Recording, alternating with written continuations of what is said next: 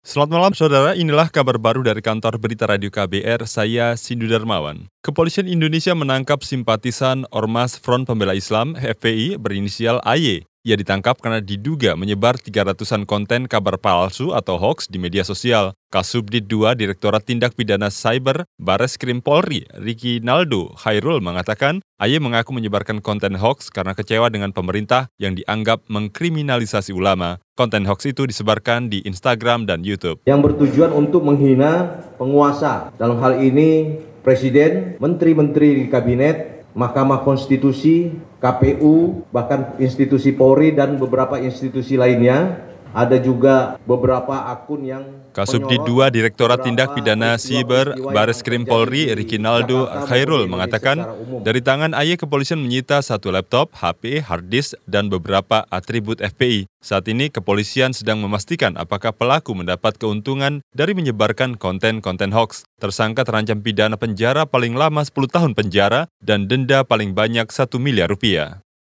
Kepala Pusat Informasi Perubahan Iklim Badan Meteorologi, Klimatologi, dan Geofisika BMKG, Dodo Gunawan menyebutkan puncak kemarau 2019 lebih kering dibanding 2018. Dodo mengatakan keringnya cuaca dipengaruhi adanya fenomena angin El Nino. Jadi uh, uh, apa artinya?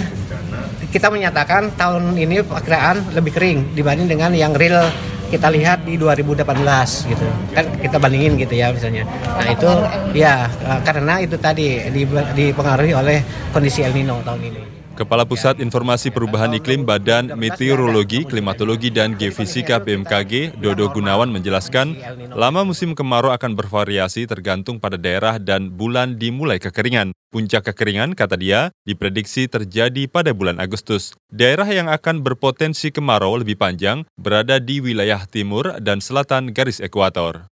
Gerakan masyarakat yang menamakan diri Kedaulatan Rakyat kembali mendorong Komnas HAM menelusuri tragedi 21-22 Mei lalu di Jakarta. Ratusan masa itu mendatangi Komnas HAM pada Jumat siang. Perwakilan Gerakan Kedaulatan Rakyat Asep Syarifuddin meminta Komnas HAM mengungkap fakta penembakan dalam aksi Mei lalu. Tuntutan kita jelas dan tegas bahwasanya siapa pun pelaku penganiayaan, terhadap saudara-saudara kita, rakyat Indonesia itu harus diproses secara hukum. Dan siapa pun yang memegang komando atas perilaku tersebut harus bertanggung jawab dan mendapat Perwakilan Gerakan Kedaulatan Rakyat Asep Syarifuddin menduga ada kejanggalan dalam pengungkapan kasus 21-22 Mei yang merasa pengungkapan fakta ditutupi aparat kepolisian. Salah satunya soal ditemukannya peluru tajam di dua tubuh korban. Sementara itu Komisioner Komnas HAM Khairul Anam menegaskan telah membentuk tim investigasi untuk mendalami tragedi tersebut. Tim ini, kata dia, saat ini masih sedang bekerja.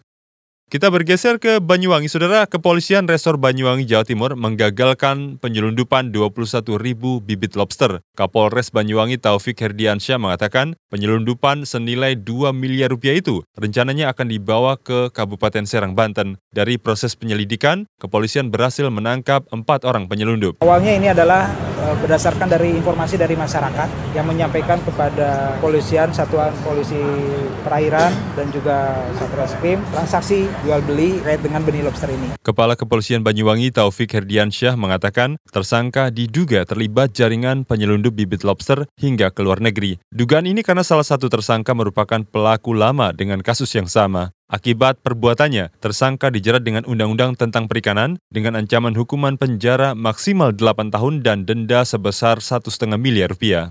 Saudara, demikian kabar baru dari kantor Berita Radio KBR, saya Sindu Darmawan. Salam.